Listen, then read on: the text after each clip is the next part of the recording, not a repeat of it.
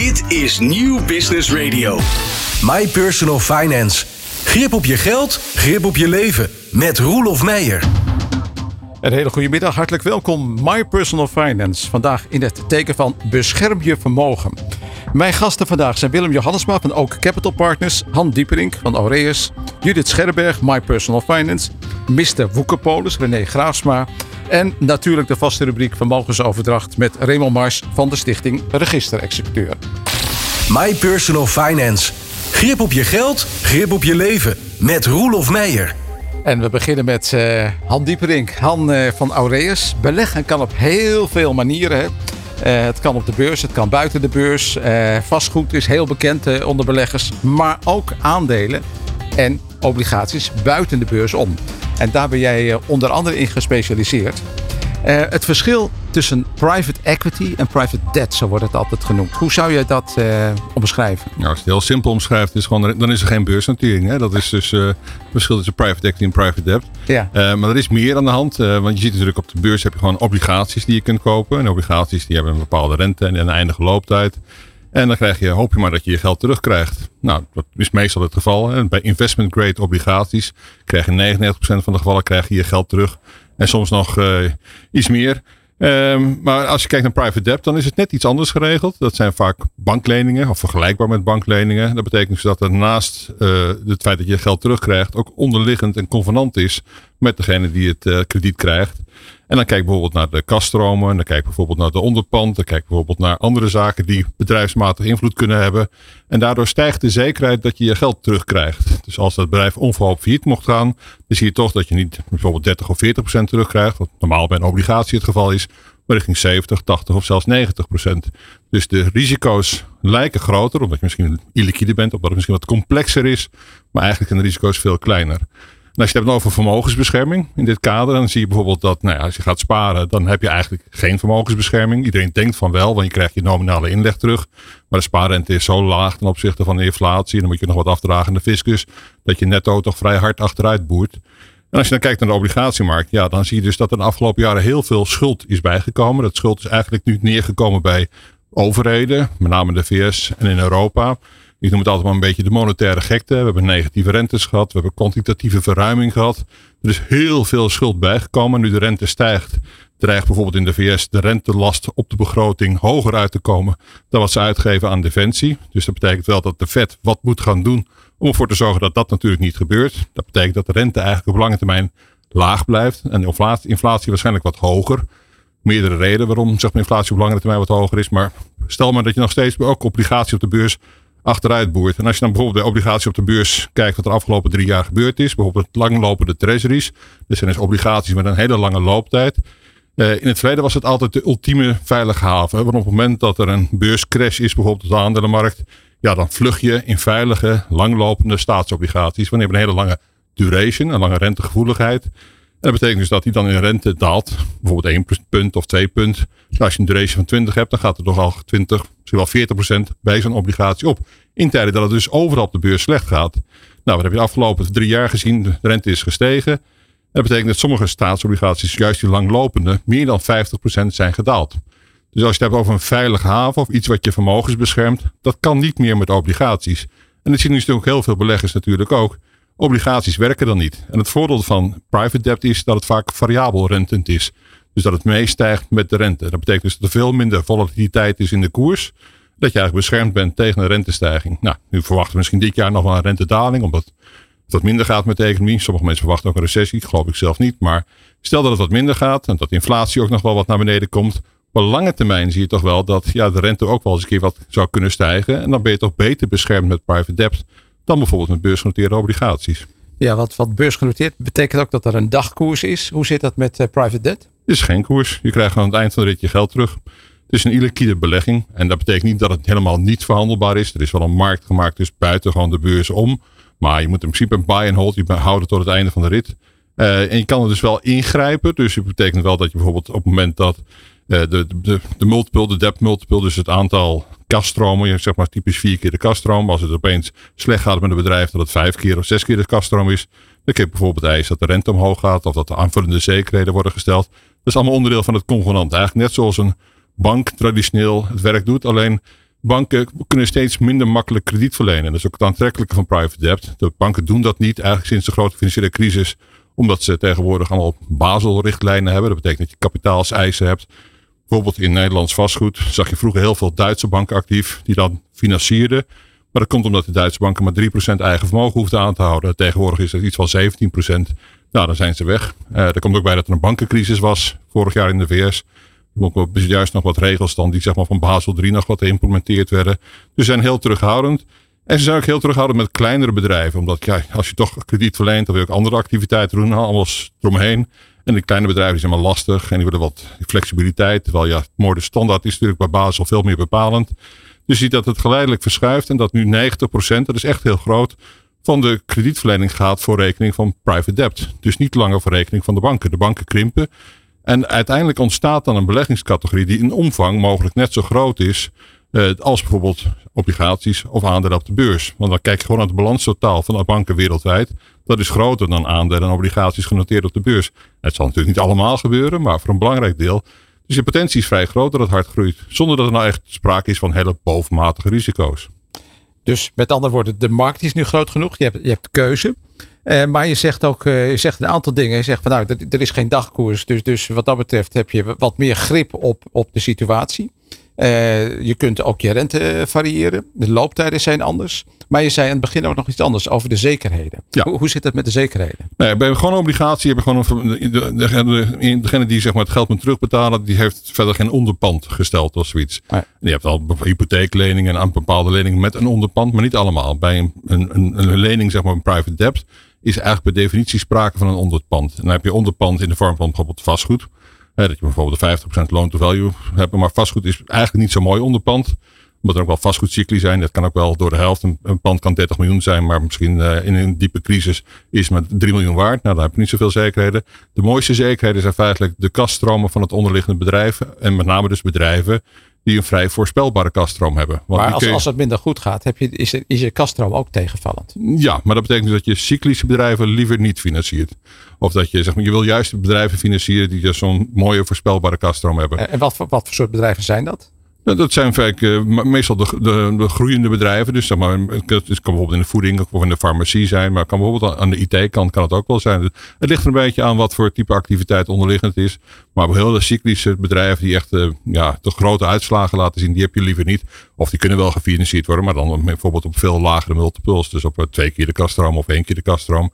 Dus, eh, maar typisch is dat toch voor iets waar je zicht hebt op de kaststromen. Weet wat voor management je hebt.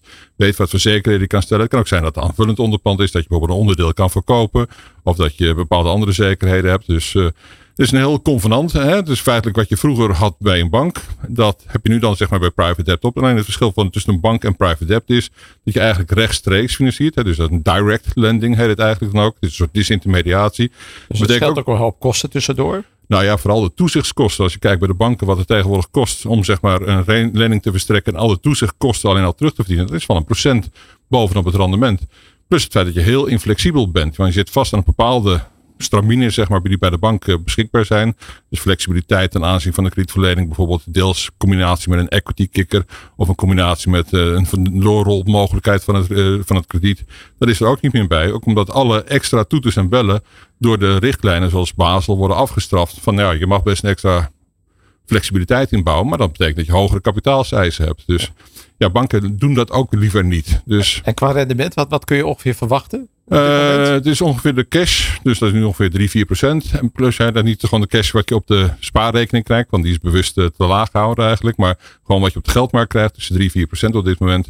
En dan zie je dus dat je daar bovenop ongeveer, nou zeg tussen 4 en 7 procent krijgt. En daarmee zit je op dit moment eigenlijk nog wat hoger, misschien nog wat hoger dan die 4 tot 7 procent omdat je, ziet dus dat er een lange periode is van een extreem lage rente. En dan betekent dat heel veel bedrijven zich lang hebben gefinancierd. Nu is de rente duidelijk wat gestegen. Omdat die rente lang is gefinancierd, loopt die geleidelijk af in de komende jaren. En dan moeten ze herfinancieren. Maar dan komen ze opeens die banken tegen die zeggen nee. Dus ze moeten een soort overbruggingskrediet hebben. En dan zie je bijvoorbeeld in Duitsland met een loan to value van 50%, dat je al gauw 12% maakt. Dus dat is een rendement dat concurreert met aandelen. Dat je in ieder geval kan compenseren voor wat je kwijt bent aan, aan inflatie of kwijt bent aan misschien wel de, wel de fiscus. Dat is ook stijgen natuurlijk in box 3. Dus nou ja, dat is een toonbaar rendement. En dan is eigenlijk meer de andere som van ja, het is een obligaties wat ter bescherming is van je vermogen. Maar je kan het ook omkeren. Aandelen zijn ook een hele goede bescherming op lange termijn van je vermogen. Omdat dat juist een goede compensatie biedt voor inflatie. En aandelen zijn natuurlijk heel risicovol. Dat kan eigenlijk op het moment een keer 30 of 40 procent van de koers af. Precies. Dat, heb je veel dus- minder bij private debt. Dus als je zegt, nou weet je wat, dit is een alternatief voor aandelen, maar met minder risico. Ja, dan is het eigenlijk een ideaal moment om zeg maar, je vermogen te beschermen. Han Diepering van Aureus, dankjewel. Dank. My Personal Finance. Jouw financiële gids. Iedere eerste dinsdag van de maand van 4 tot 5 op Nieuw Business Radio. Slimme geldtips voor ondernemers. Grip op je geld, grip op je leven. Ja, grip op je geld, grip op je leven. We hebben het over beschermen van vermogen. Han Dieperink eh, had het net over eh, cashflows. Uh, Judith, hoe zit dat met financiële planning bij de particulier? Nou ja, de particulieren hebben natuurlijk ook geldstromen, maar die komen dan voort uit hun uh, via het salarisstrookje op de bankrekening. Ja, en ook daar kun je bescherming op uitoefenen. Um, of ook bij ondernemers, dat is hetzelfde natuurlijk. Ja, want in wezen heb je als financieel plan heb je te maken met het realiseren van wensen en doelstellingen. En aan de andere kant het beschermen van inkomen en vermogen. Ja, absoluut. Het, het, het, een kan je zeker niet loszien van het andere. Uh, want je kunt alleen maar rendement maken op geld dat je op lange termijn niet nodig hebt. En, en als je zo'n zo'n private debt, als wat, eh, wat Han net zei, als je dat uh, toepast, dan is dat iets wat je niet direct kan vrijmaken. Dus waar je in eerste instantie voor moet zorgen, is dat er in elk geval voor de calamiteiten die zich voor kunnen doen in de mensenleven, dat daar voldoende liquide middelen voor beschikbaar zijn. Er wordt wel eens gezegd van nou, drie keer je maandinkomen, je netto maandinkomen, of zes keer als een soort buffer. Hoe kijk jij daar tegenaan? Ja, de hoogte daarvan hangt erg vanaf uh, wat, de, wat de uitgavenpatroon is uh, van mensen en, en wat voor verwachtingen ze hebben bij, bij calamiteiten. En ook waar ze zich lekker bij voelen. Hè. Het is niet alleen maar het uitrekenen, maar ook waar ze zich lekker bij voelen. Dat is ook een hele belangrijke. Goed, goed slapen, onder andere. Ja, precies. Nou ja, onderschat dat niet. En het is ook je taak als planner om daar heel goed op uit te vragen. Want je kunt wel dingen vinden, maar wat ik vind is niet belangrijk. Maar wat de klant voelt is belangrijk. En daar gaat het om. Mm en um, als, als een klant zich lekker voelt bij 25 of 50 of 100.000 euro, ja, weet je, het is dan aan mij om daar respect voor te hebben en het, de rest dan zo te organiseren uh, dat de wensen en doelstellingen haalbaar blijven. Het gaat dus ook hier om cashflows. In hoeverre is, is, is cashflow dan een bescherming van je vermogen? Nou, in die zin dat op het moment dat je het geld dan nodig hebt, in het geval zich zo'n calamiteit voordoet, dan hoef je dus niet dingen te gaan verkopen tegen een veel te lage prijs. En dat is belangrijk, eh, want je moet kunnen, je moet kunnen manoeuvreren met je geld. En uh, je wil niet op een moment dat bijvoorbeeld of de aandelenmarkten of uh, wat dan ook, de vastgoedmarkt heel laag staat, dat moeten verkopen en dan nog veel meer verlies willen moeten maken, omdat je nou eenmaal dat cash nodig hebt. Mm -hmm. En nou ja, een lening opvragen in, tijden, in slechte tijden is ook al heel lastig. Hè? Dus maar eventjes je huis een hypotheek opvragen, ja, dat is tegenwoordig ook helemaal niet meer zo makkelijk. Dus moet je zorgen voor die liquide buffer die voldoende is om die calamiteit op te vangen. Heb je ook, ook een voorbeeldsituatie, uh, dat het een beetje beeldend is voor, voor de luisteraar? Nou, ik heb uh, toevallig net uh, een, een, paar weken terug een uh, relatief jong gezin. ondernemende mensen, allebei goede baan, twee kleine kindertjes. En hij is nu met een sabbatical, wordt nog doorbetaald tot 1 april en daarna gaat hij voor zichzelf starten. En dan is de vraag van welke buffer heb je dan nodig? Want alles is onzeker. En dan ga je dus kijken van nou, we hebben het nu je hebt, de vermogensverwachtingen zijn natuurlijk mega, want hij verwacht een heel mooi bedrijf te gaan leiden. Nou, dat, dat begrijp ik. Hè. Ja, dat, dat optimisme. Nee. Precies. En dat optimisme mag er ook zijn. Um, maar je hebt nu ook de uitgaven. Dus het is niet alleen maar hè, veel mensen. Ja, dan moet mijn hypotheek afgelost zijn, want dan kan mijn partner blijven wonen. Ja, dat is leuk, maar dat is maar een klein onderdeeltje daarvan. Je moet ook zorgen dat je inkomen hebt, zodat je kinderen kunnen opgroeien, kunnen gaan studeren en zichzelf uiteindelijk kunnen redden. En als uh, elke cent omgedraaid moet worden, omdat uh, er dan opeens nog maar van één salaris geleefd kan worden ja, omdat de ander verdwenen is en niet meer in een pensioenregeling zit of wat dan ook. Ja, dan moet je dus zorgen dat die buffer die uit een bijvoorbeeld overlijdensrisicoverzekering komt, voldoende is om beide elementen op te vangen. Dus niet alleen maar het huis aflossen, maar ook kijken welke cashflow heb je weer nodig om te zorgen dat mensen voldoende inkomen hebben om in elk geval iets van de levensstandaard in stand te houden dat ze gewend waren. Ja, dit, dit, dit lijkt op de situatie van de ZZP'er. Hè? Dus, dus, dus degene die ZZP'er nu wordt. Maar je ziet heel veel ZZP'ers die dit soort dingen gewoon niet doen. Hè? Nee, dat klopt. En dat is best een grote zorg. Want uh, ja, ook als je ZZP'er uh, bent, die boom kan er steeds opeens midden op de weg springen. Dat weet je niet. Hè? Dat hangt niet van je beroep af, maar van pech dat je hebt. Mm -hmm. Dus ja, voor iedere mens geldt dat je uh, in je cashflow management wel degelijk rekening zou moeten houden met een, een bedrag dat ter beschikking komt als je komt te overlijden. Um, niet voor iedereen hoeft erfbelasting te betalen, maar als je een beetje meer vermogen hebt, een huis dat bijvoorbeeld uh, uh, wat meer waarde heeft gekregen, dan kom je heel gauw in de vermogens of in de, de, erfbelasting terecht. Dat moet ook betaald worden. Het zou heel vervelend zijn als je daarvoor iets moet gaan verkopen, omdat je anders de erfbelasting niet kunt betalen. Dat soort elementen rekening mee houden is wel heel handig. Maar wat, wat kom je nou tegen waar mensen eigenlijk totaal niet bij stilstaan? Nou, die erfbelasting, dat vergeten heel veel mensen. Die denken van ja, ik heb toch een vrijstelling, dus daar kom ik er wel op. Maar wat ze dan vergeten is dat uh, uitkerende pensioenen in mindering worden gebracht op de vrijstelling die er is. Dus als jij 30.000 euro pensioen krijgt per jaar, uh, dan kan het zomaar zijn dat je vrijstelling van 7 ton naar 350.000 euro gaat. En dat is niet zoveel meer als je ook dan ook nog hebt een, een waarde hebt in de woning. Nou, en wat je kan doen met samenlevingsovereenkomst, huwelijkse voorwaarden. Wat heel grappig is, ik heb afgelopen jaar een paar keer aan de hand gehad dat ik mensen uh, met wat meer vermogen heb geadviseerd om in plaats van samen te wonen, een geregistreerd partnerschap aan te gaan of te trouwen. Heb je ook nog een feestje? Ja, dan heb je ook nog een feestje. En mensen vonden het achteraf gezien hartstikke leuk. Um, dus ja, ze grijpen het dan ook aan. Zo van, dan hebben we ook echt een financiële reden om te gaan trouwen. Maar eigenlijk is het ook wel verschrikkelijk leuk. en ik breng het overigens altijd heel voorzichtig. Hè, want ik, ik breng het als een objectief gegeven. En, uh, want het kan heel gevoelig liggen. Het kan zeker heel goed liggen. Dus, dus dat betekent dat je gaat dus ook de structuur van het samenwonen ga je. Jazeker. De structuur van het samenwonen, testament, alle aspecten die een rol spelen bij het, het, het vermogen en de bescherming daarvan zijn als financieel planner belangrijk. En je kunt door dat soort dingen goed in ogenschouw te nemen en goed te organiseren, kun je uh, ook voorkomen dat mensen bijvoorbeeld uh, in plaats van 100.000, 50.000 euro erfbelasting hoeven te betalen. Hè? Dus dat soort verschillen kan je het over hebben. Dat is best wel significant. Dus richt je cashflow goed in en richt ook je structuur van je samenwonen goed in. Jazeker. Judith Scherberg, My Personal Finance. Wil je ook de kapitein op je schip zijn? Werk samen met My Personal Finance aan je persoonlijke financiële kompas. Voor nu en later. Iedere eerste dinsdag van de maand van 4 tot 5 op Nieuw Business Radio.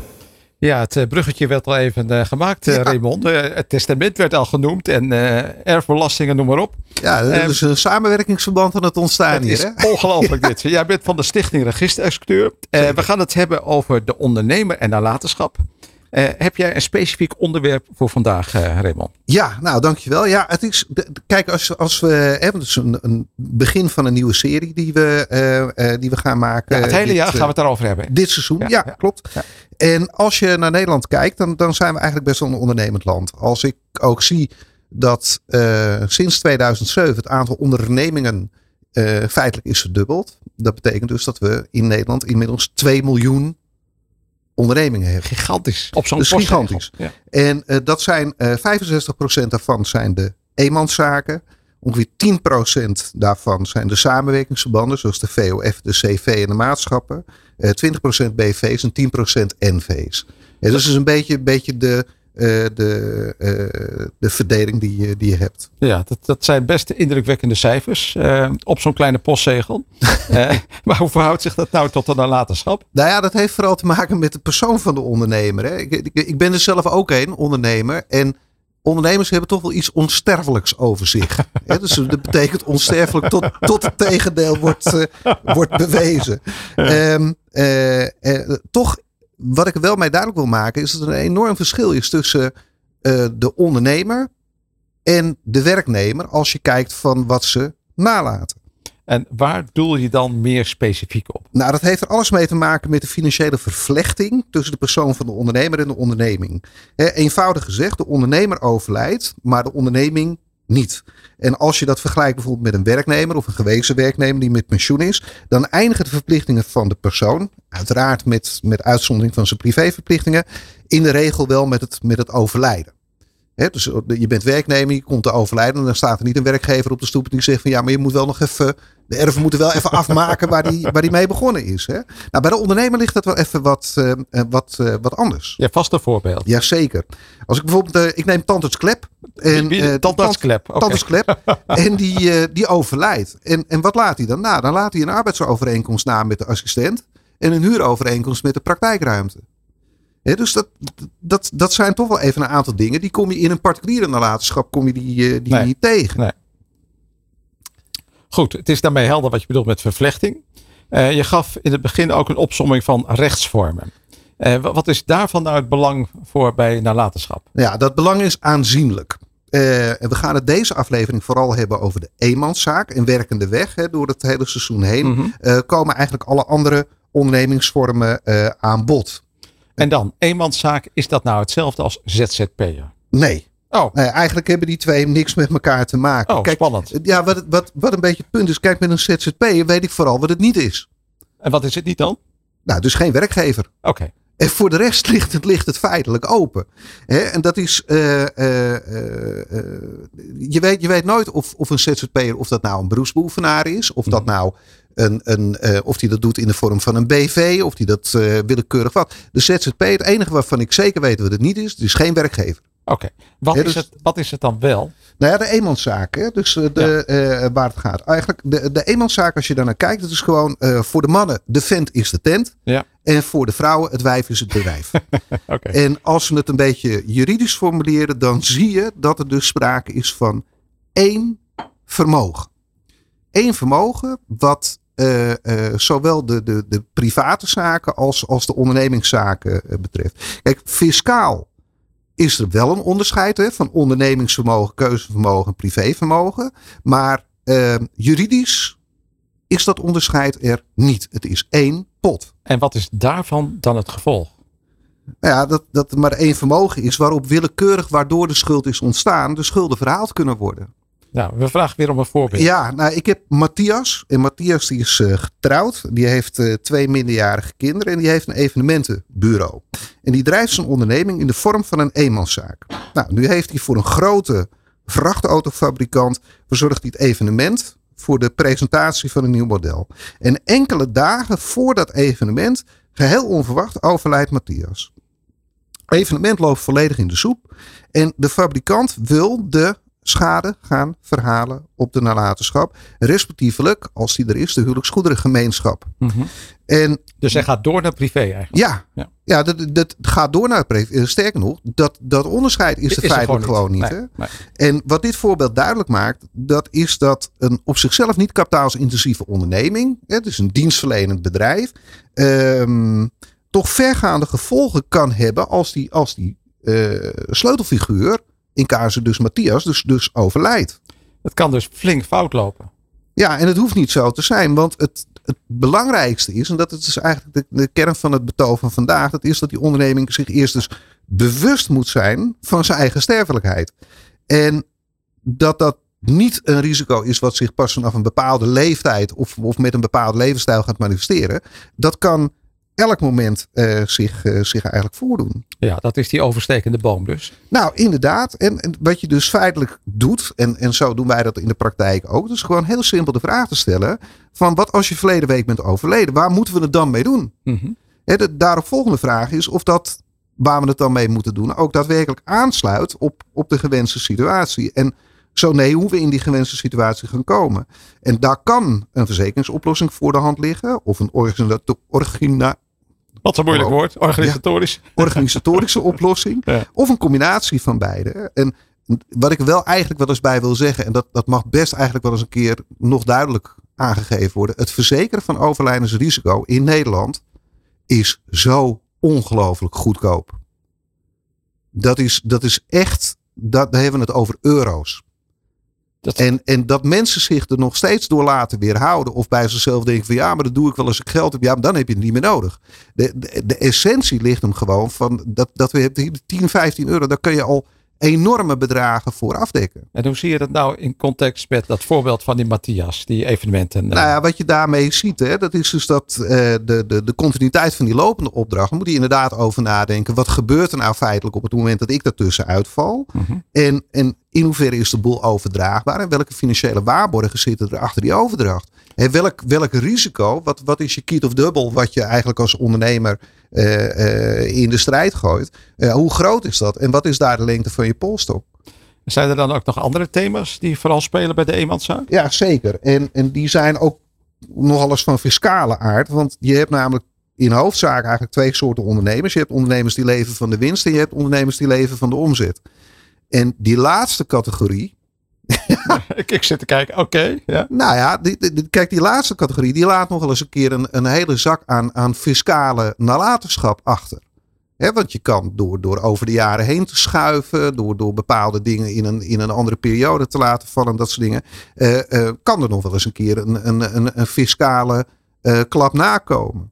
Dus, dus inkomstenbelasting, dat soort zaken? Ja, inderdaad. Zeker met startende ondernemers zien we wel eens van uh, die beginnen. Dan hebben ze het eerste jaar. Dan denken ze dat ze vrijstelling hebben van de IB. Maar dat is de aangifte die schuift er nog een jaartje door. Uh, die, die je hebt, uitsteljaar. En dan op een gegeven moment vallen al die dingen uh, die, die vallen dan ineens allemaal tegelijkertijd. Dan krijg je de definitieve over het eerste jaar van het ondernemen. Je definitieve of je voorlopige over het tweede. Maar die moet je dan wel al helemaal betalen, want het mm -hmm. jaar is al voorbij. Mm -hmm. En over het lopende jaar, het derde jaar, ook al een, een fors deel van je voorlopige wat je moet, uh, moet betalen. En dan, zeker als je al Um, door, door te schuiven met je belastingen, min of meer wat, wat bedrijfsmiddelen hebt gefinancierd of daar wat van geleefd hebt of whatever, dan, dan loop je wel echt wel achter de feiten aan. Dus in wezen praat je nu ook door belastingen over enorme schulden die je hebt aan de kant van de nalatenschap. Zit er ook nog verschil aan de bezitkant? Jazeker. Uh, kijk, het, het, het, het punt is, hè, denk erbij aan voorraden, bedrijfsmiddelen.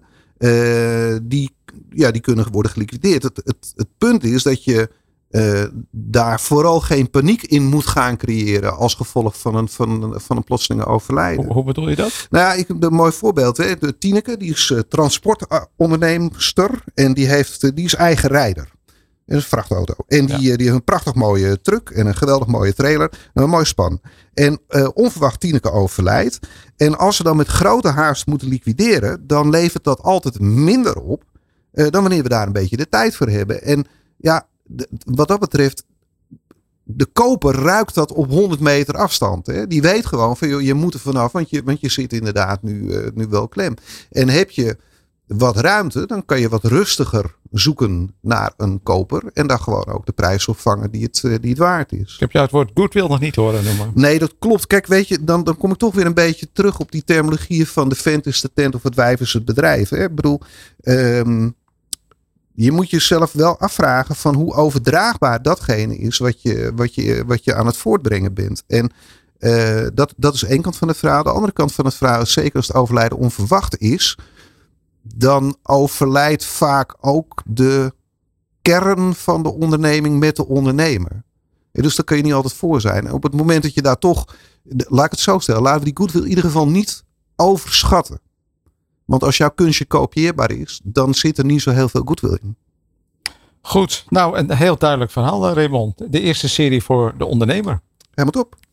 My Personal Finance, jouw financiële gids. Iedere eerste dinsdag van de maand van 4 tot 5 op Nieuw Business Radio. Slimme geldtips voor ondernemers. Grip op je geld, grip op je leven. We hebben het over beschermen van vermogen. Willem Johannesma, goedemiddag. Ja, goedemiddag Roelof. Je had een beetje pech hè, met je auto, want je had ja, eigenlijk hier in de studio zullen zijn. Ik was naar jou onderweg, maar er zat een, uh, een grote spijker in mijn band en uh, ik ben gestrand op de A27 helaas. Ach, dus, wat een gedoe hè. Ja. Maar goed, je wordt wel geholpen, ja, dus ik zit ik, nu in die, in die vrachtauto waar je dan mee weggesleept wordt, uh, Roelof. Ik heb er een beeld bij, zo'n zo geel groot ding. Je zit lekker hoog. Ja, ja, ja. Goed, ik mocht nou ja. even blijven zitten van de chauffeur, dus dat was heel aardig. Oh, dat is wel inderdaad heel aardig. Goed, nou ja, goed. Je hebt nu een soort bescherming meegemaakt dat je weer thuis kunt komen. Uh, ja, ja, ja, zeker. We gaan het nu hebben over beschermen over vermogen, beschermen van vermogen. En je had bedacht om het dat te ontleden in drie elementen. Wat is het eerste element?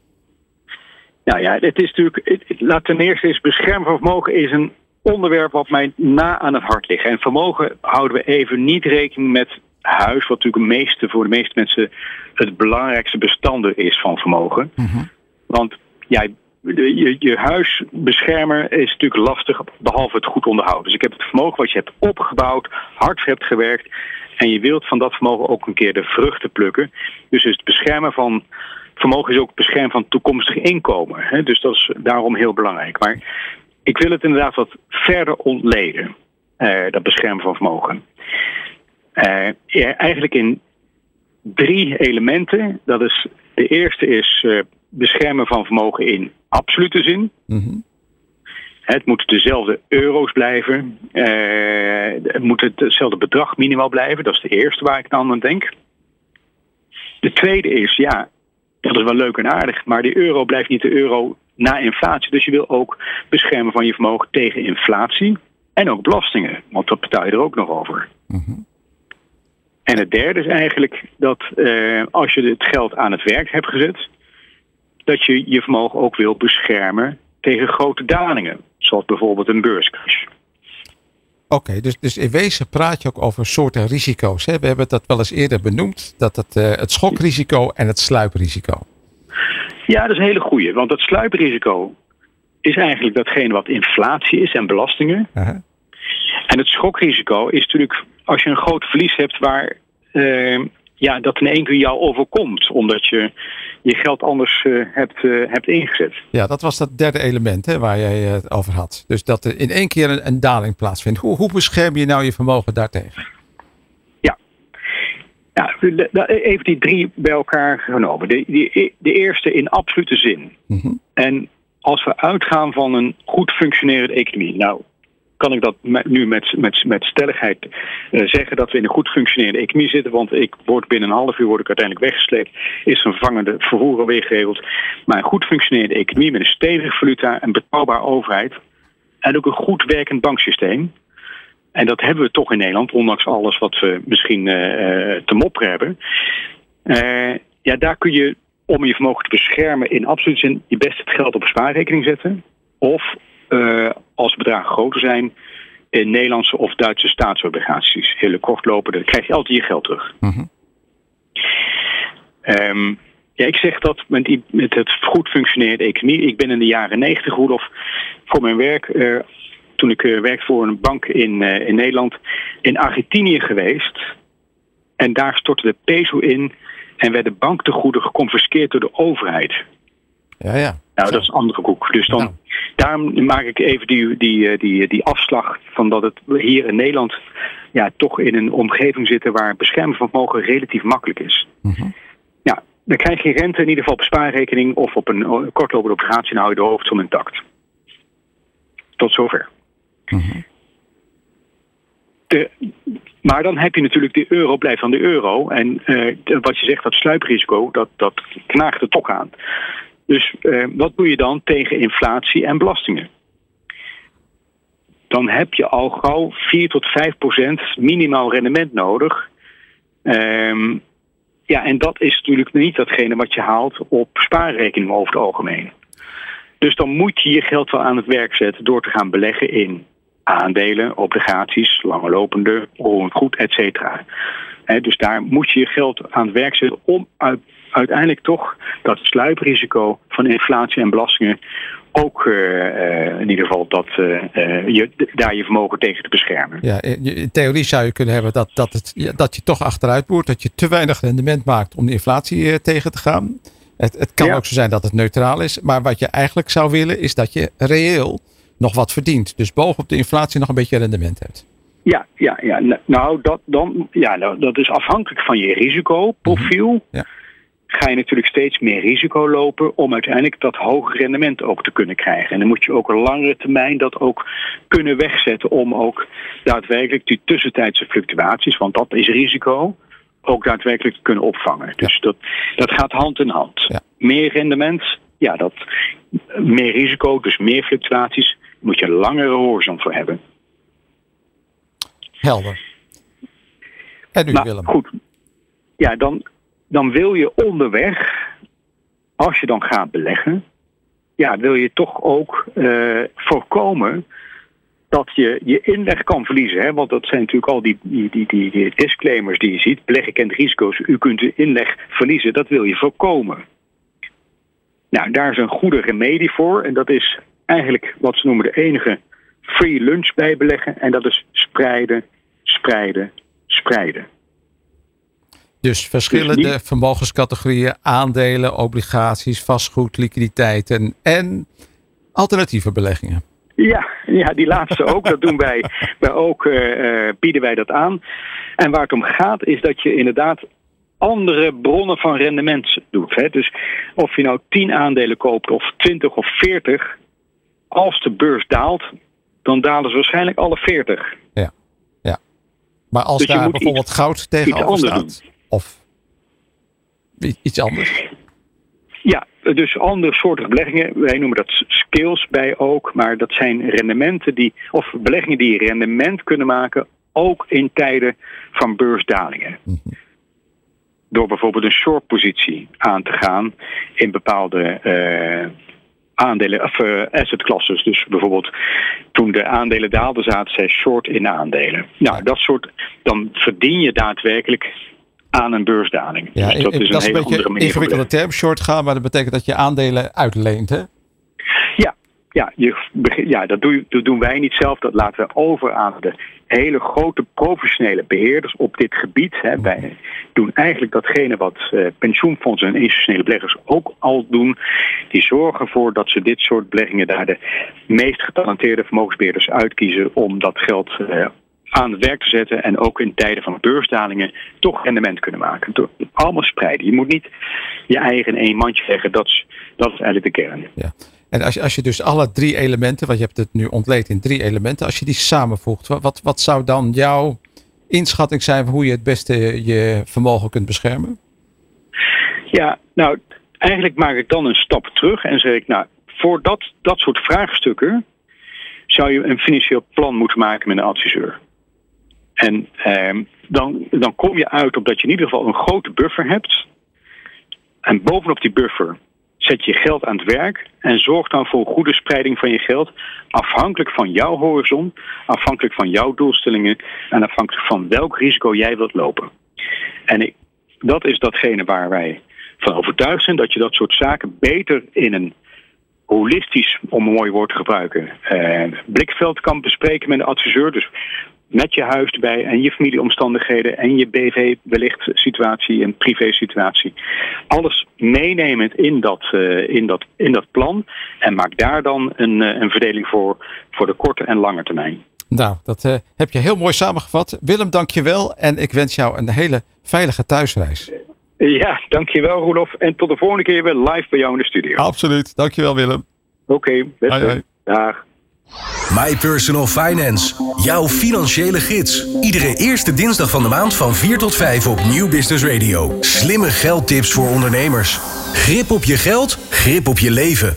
We hebben het over bescherming van vermogen. En dan moeten we ook weer de woekerpolissen uh, ja, ten tonele voeren. Helaas een woord dat nog actief is. En zo ook Mr. Woekerpolis, René maar ik mag dat zeggen, heb je gezegd. Mr. Woekerpolis, die is ook actief. Eigenlijk is dat zonde dat je nog actief moet zijn eh, op deze manier. Uh, ja, en, Toch? ja het, het, uh, het is bijna lachwekkend. Het is ook verwonderlijk. Wat, wat is ook alweer zo'n Woekerpolis? Even heel kort. volgens de, de meest zuivere definitie op het woord en naar de zin daar volgen we meneer Wabeke, de voormalige ombudsman uh, levensverzekeringen. Ja. En die heeft vastgesteld dat de definitie is een beleggingsverzekering waarin niet transparante, verborgen kosten en te hoge premies zitten. Oké, en, en op een gegeven moment uh, ben jij daar ook achter gekomen. Dan praten we wel over heel wat jaren terug. Uh, toen heb je je eigen verzekeringskantoor verkocht en ben je daarop op gaan storten. en je hebt ook een eigen herstelmethode bedacht. Hè?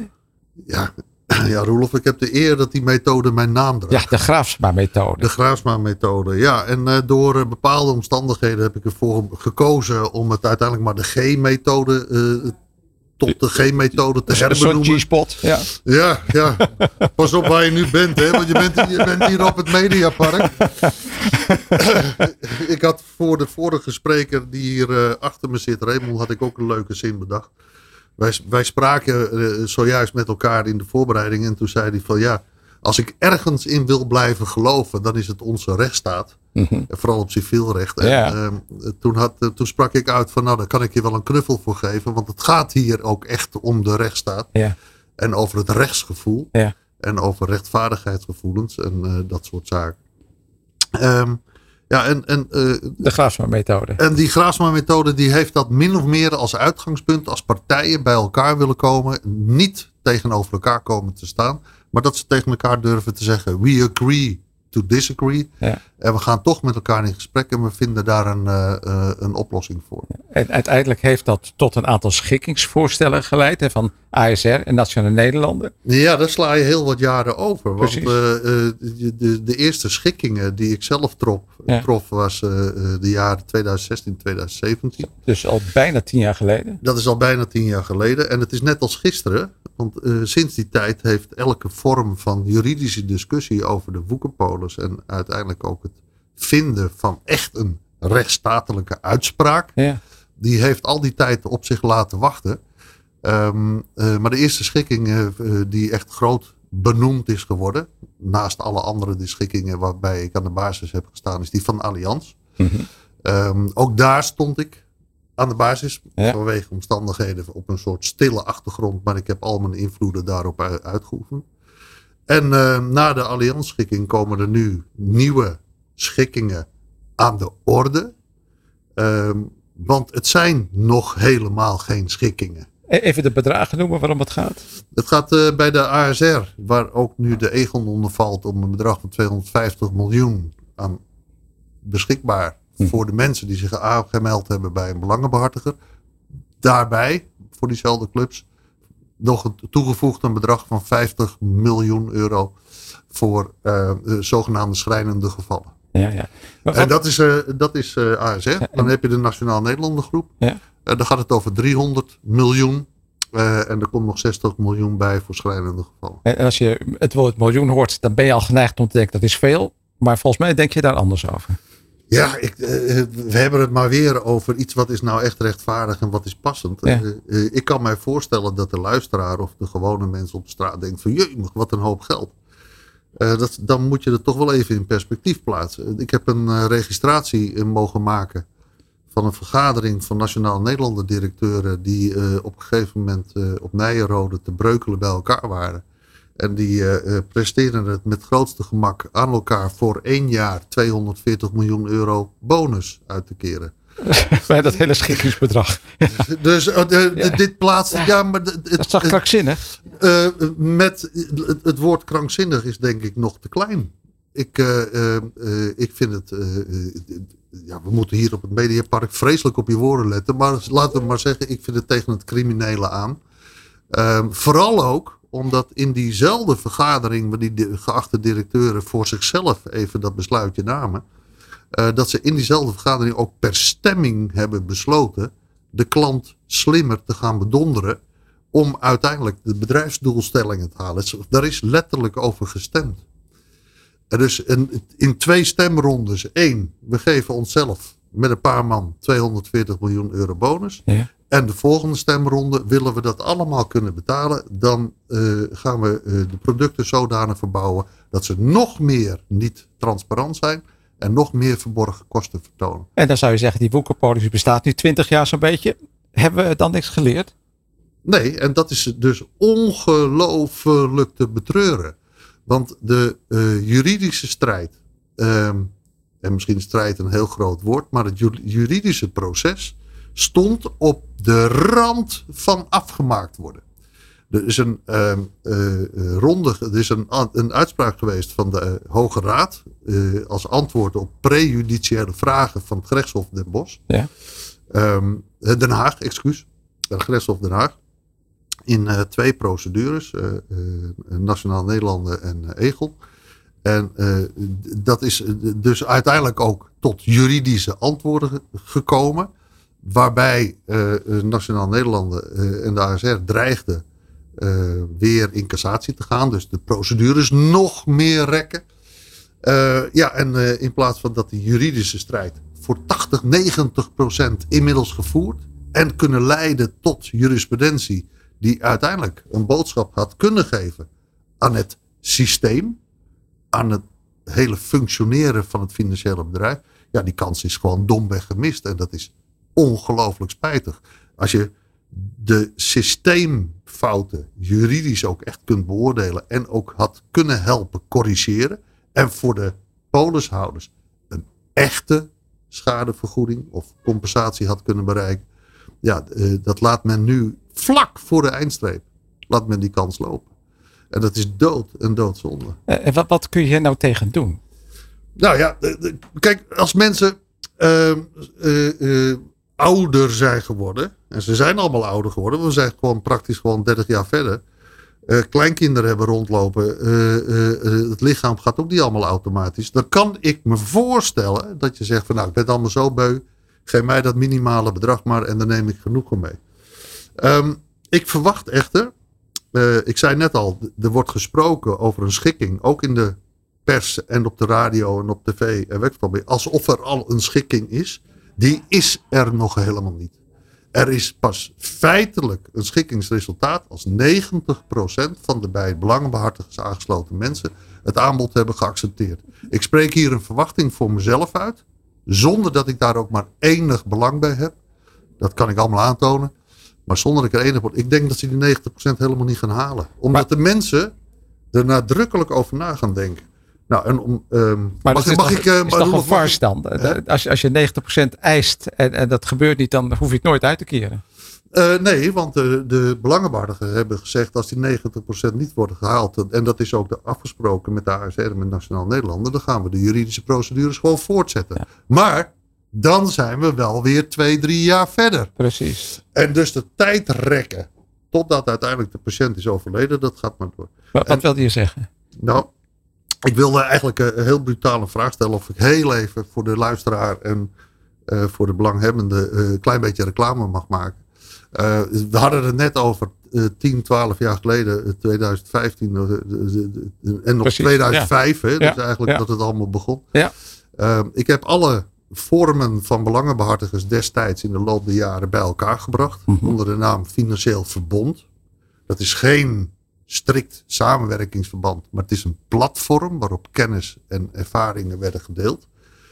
Uh, en dat heb ik nu weer uh, tot leven geroepen. Ah, dus okay. mensen, alsjeblieft ga naar www.financieelverbond.nl en dan kom je vanzelf verder. Uh, en daar kun je nadere informatie vinden over wat je kan doen om voor jezelf te beoordelen voor jezelf. En zonder dat het op, als druk op je wordt neergelegd alsof het allemaal al geregeld is. Uh, om je eigen beslissingen te nemen of je wel of niet met een bepaald voorstel akkoord gaat. En vooral eigenlijk iedereen die maar met zo'n polis te maken heeft gehad.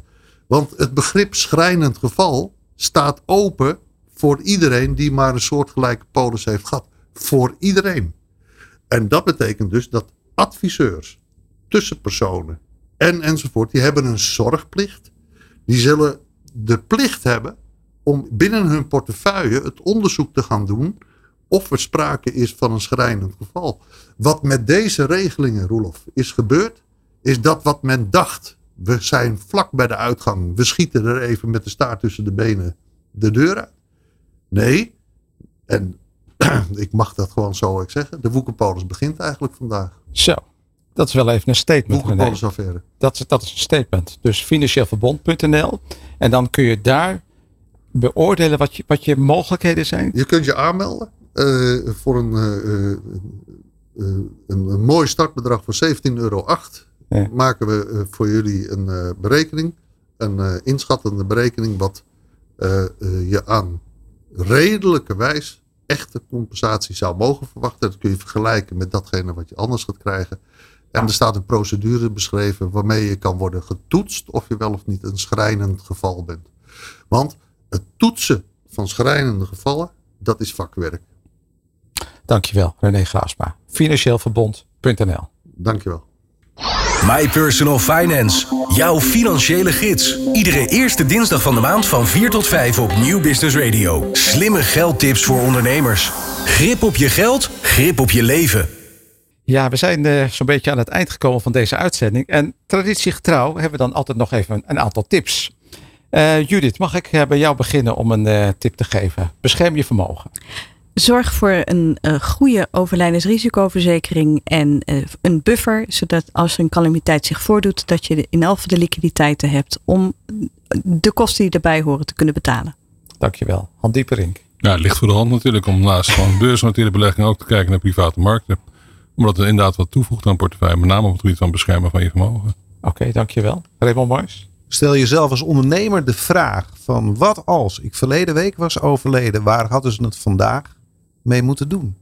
Zo, R&D Graasma, heb je nog een afsluitende tip?